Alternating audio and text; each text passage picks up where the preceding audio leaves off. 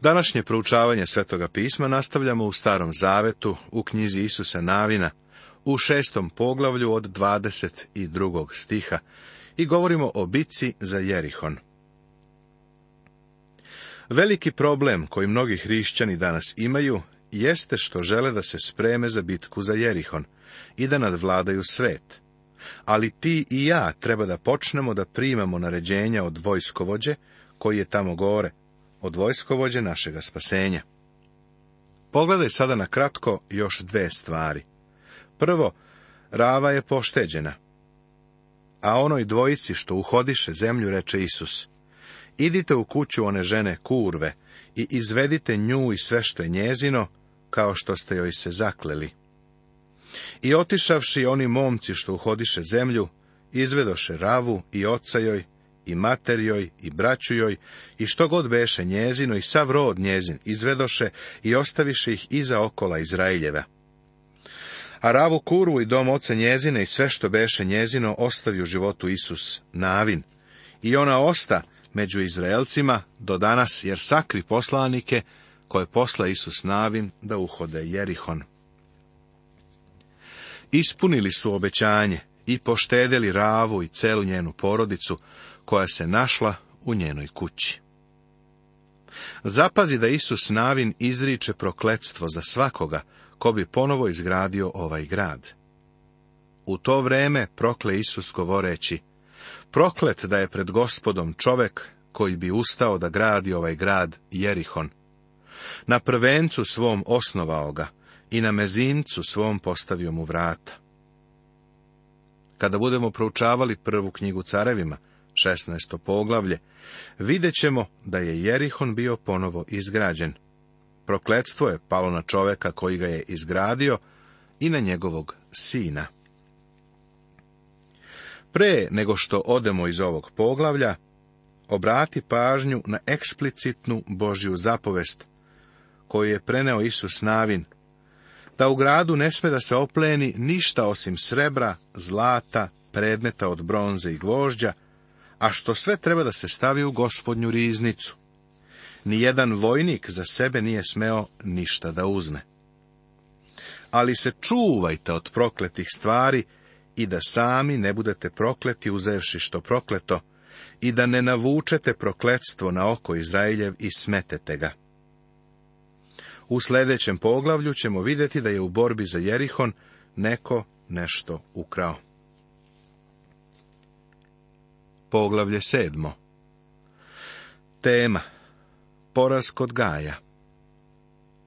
Sam sebi si najgori neprijatelj. Taj tvoj neprijatelj je u istoj koži u kojoj si i ti. Koristi isti mozak, smišljajući destruktivne ideje. Koristi iste ruke da bi uradio svoja dela. Ovaj neprijatelj može da ti nanese više štete nego bilo ko drugi. On je najveći hendikep koji imaš u tvom svakodnevnom hrišćanskom životu. Postoje dva faktora zbog kojih je bavljenje ovim neprijateljem duplo teže. Na prvom mestu nerado ga uočavamo i identifikujemo. Ne volimo da ga etiketiramo kao neprijatelja. U stvari, najvećem broju nas on se dopada. Drugi problem je u tome što je on u nama. Samo kada bi izašao i borio se kao čovek, sve bi bilo drugačije, ali on to neće. Nije reč o tome da je kukavica, nego o tome da se bolje bori sa pozicije na kojoj se nalazi. Narode, gradove, crkve i pojedince, sve njih je uništavao unutrašnji neprijatelj. Rusija je pala zbog komunizmom ne zbog spoljašnjeg nemačkog pritiska, već zbog ove doktrine koja je rasla iznutra. Još iz drevne usmene istorije, koja je dugo smatrana mitologijom, zadržala se priča o gradu Troj, koji su Grci obsedali dugih i teških deset godina. Konačno su Grci otplovili, ostavljajući za sobom drvenog konja. Trojanci su tog drvenog konja uveli u grad kroz kapije, i to je bio početak razaranja Troje. Na sličan način se crkve razaraju iznutra, a ne zbog spoljašnjih udara. Pišući sedam crkava u Maloj Aziji, gospod Isus Hristos im je uputio izvesna upozorenja. Ipak, ni jedna od tih crkava nije bila upozorena na spoljašnjeg neprijatelja. On je rekao, imaš onde takvih stvari, koji drže nauku Valama. Tako i ti imaš one koji na isti način drže nauku Nikolajta, što je zapisano u knjizi Otkrivenje Jovanovo u drugom poglavlju u 14. i 15. stihu u Svetom pismu Novoga Zaveta. Također je upozorio, ali imam nešto protiv tebe, što dopuštaš ženi je zavelji, koja za sebe govori da je proročica, te uči i dovodi u zabludu moje služitelje, da bludniče i da jedu meso žrtvovano idolima. Hristos je u stvari ovim crkvama rekao, u sebi imate nešto što će izazvati vaše razaranje, što će vas uništiti. Neodanost i nevernost u današnjoj crkvi štete Božijem delu više od bilo kog drugog spoljašnjeg neprijatelja. Đavo može da povredi i ošteti crku samo iznutra, a nikako s polja. I pojedinac prijatelju može da se uništi iznutra. Aleksandar Veliki je verovatno bio najveći vojni genije, koji je sa svojom vojskom prolazio stranicama istorije. Nema nikoga kao što je bio on. Pre nego što je napunio 35 godina osvojio je svet, ali je umro kao pijenica. Pokorio je svet, ali nije mogao da pokori Aleksandra Velikog. Bio je to unutrašnji neprijatelj koji ga je uništio. Jedina bitka koju su Izraelci izgubili, osvajajući obećenu zemlju, bila je bitka u kojoj je neprijatelj došao iznutra, a ne s polja. Kada su Izraelci ušli u obećanu zemlju, na put su im stala tri izvrsna, izvanredna neprijatelja, a ne mnoštvo njih. To su bili Jerihon, Gaj i Gavaon. Ova tri neprijatelja su sprečila Izrael da zauzme i uživa u obećenoj zemlji. Zemlja je bila tamo. Bog im je rekao da je njihova. Bog im je u obećanju Avramu dao dokument kojim dokazuju pravo vlasništva. Isus u navinu je rekao, Svako mesto na koje stupite nogama svojim dao sam vam, kao što rekoh Mojsiju. Bog im je govorio, vaše je, zauzmite ga. Uživajte u onom što zauzmete. Kakva je ovo poruka za nas danas? Ovim ljudima je data zemlja prostranstva 450.000 kvadratnih kilometara ali čak ni u svojim najboljim danima nisu zauzeli više od 45.000 kvadratnih kilometara. Hrišćanima su dati svi nebeski blagoslovi, ali koliko hrišćana danas uživa u njima? Koliko tih blagoslova je stvarno tvoje? Na njih imaš pravo, ali da li si ih primio i da li u njima uživaš kao što je Bog namerio? Pomisli na sve one hrišćane koji su blagosloveni svim duhovnim blagoslovima, ali žive kao duhovni siromasi. Bog je te blagoslove učinio dostupnima nama, ali ako hoćemo da ih dobijemo, moramo da izborimo neke bitke i pobede. U stvari, poslanica Efescima se završava zveketom oružja i zvukom borbe, pozivom da se obučemo u sve oružje Božije u Isusu Navinu, u sedmom i osmom poglavlju, poraz i pobjeda nad Gajom predstavljaju telo kod vernika. Ahanov greh je bio u logoru. Koraci greha tela su, video sam, što je fizički, poželeo sam, što je mentalno, i uzeo sam, što je naša volja. Nema izbavljenja sve dok se iz života vernika ne ukloni greh. A sada pogledajmo tekst. Ali se ogrešiše sinovi Izraeljevi o prokletinju, jer Ahan, sin Harmije, sina Zavdije, sina Zarina, od plemena Judina, uze od prokletih stvari. Zato se razgnevi gospodna sinove Izraeljeve. Ovaj stih nam govori da su Izraelci načinili prestup, ali da je samo jedan čovek, Ahan, počinio greh. Ceo narod je trpeo zbog onoga što je Ahan uradio. Ovo je zanimljivo, jer mnogi ljudi stoje s polja i kritikuju crkvu. Govore o greškama crkve i njenom otpadništvu. I ja to uradim. Ali, prijatelju, jedno je kada o crkvi govoriš kao njen član, a sasvim je drugo kada stojiš sa strane i ništa ne činiš. Ako crkva greši, iako je u otpadništvu, a jeste, onda smo ti i ja upleteni u to kao članovi crkve. Ako jedan član trpi, sa njim trpe svi.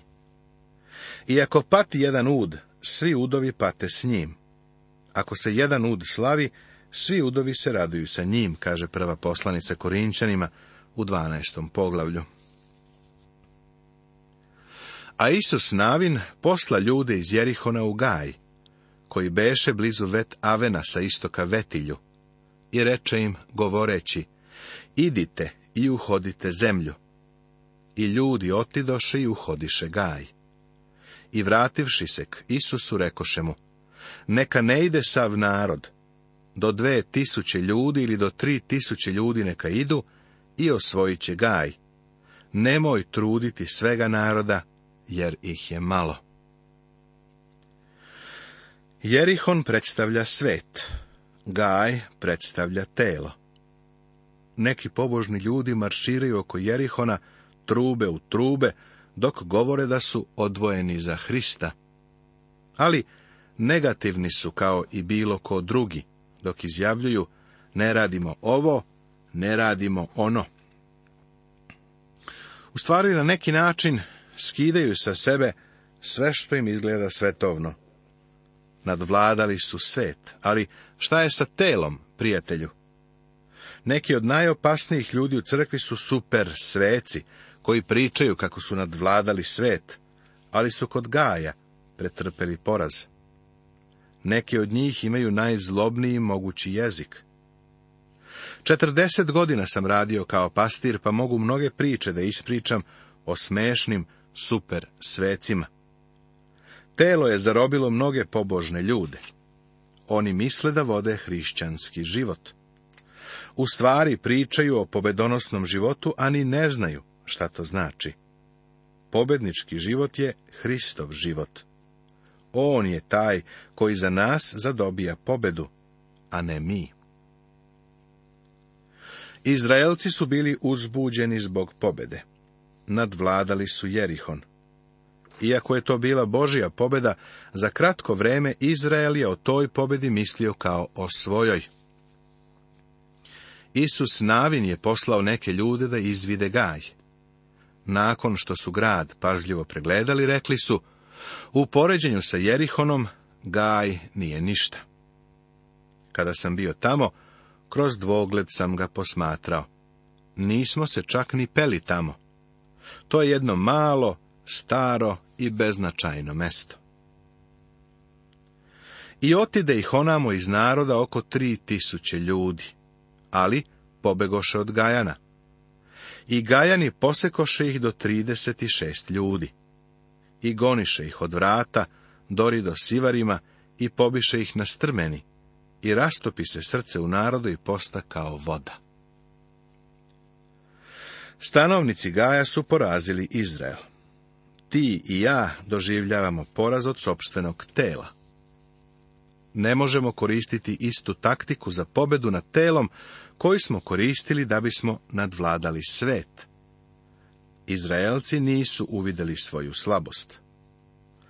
Apostol je shvatio svoju manu kada je rekao, znam naime da u meni, to jest u mome telu, dobro ne obitava, jer hteti toga ima u meni, ali činiti dobro toga nema kaže poslanica Rimljanima, sedmo poglavlje, osamnesti stih. Da li si, prijatelju, otkrio da u tebi nema snage, ni sile? Ti sam ne možeš živjeti hrišćanski život, a Bog to i ne traži od tebe. Bog želi da On kroz tebe živi taj život. U Rimljanima, u poslanici u sedmom poglavlju, apostol Pavle je otkrio da u njegovoj staroj prirodi nije bilo nikakvog dobra.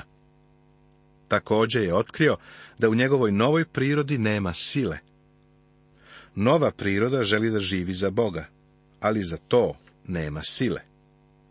U Rimljanima poslanici u osmom poglavlju upoznajemo se sa svetim Božijim duhom. Hrišćanski život možemo živjeti jedino kada smo ispunjeni svetim Božijim duhom. A Isus razdre haljine svoje i pade licem na zemlju pred kovčegom gospodnjim. I leža do večeri, on i starešine Izraeljeve, i posuše se prahom po glavi. I reče Isus, jao, gospode Bože, zašto prevede ovaj narod preko Jordana, da nas predaš u ruke Amorejcima da nas pobiju? O, da htesmo ostati preko Jordana. Ovu pesmu smo već ranije čuli, Isus Navin kao da peva blues. Naučio je pesme u pustinji sa Izraelcima. Isus Navin ovu pesmu nije pevao u pustinji, ali sada je peva. Ne razume zašto je izgubio borbu.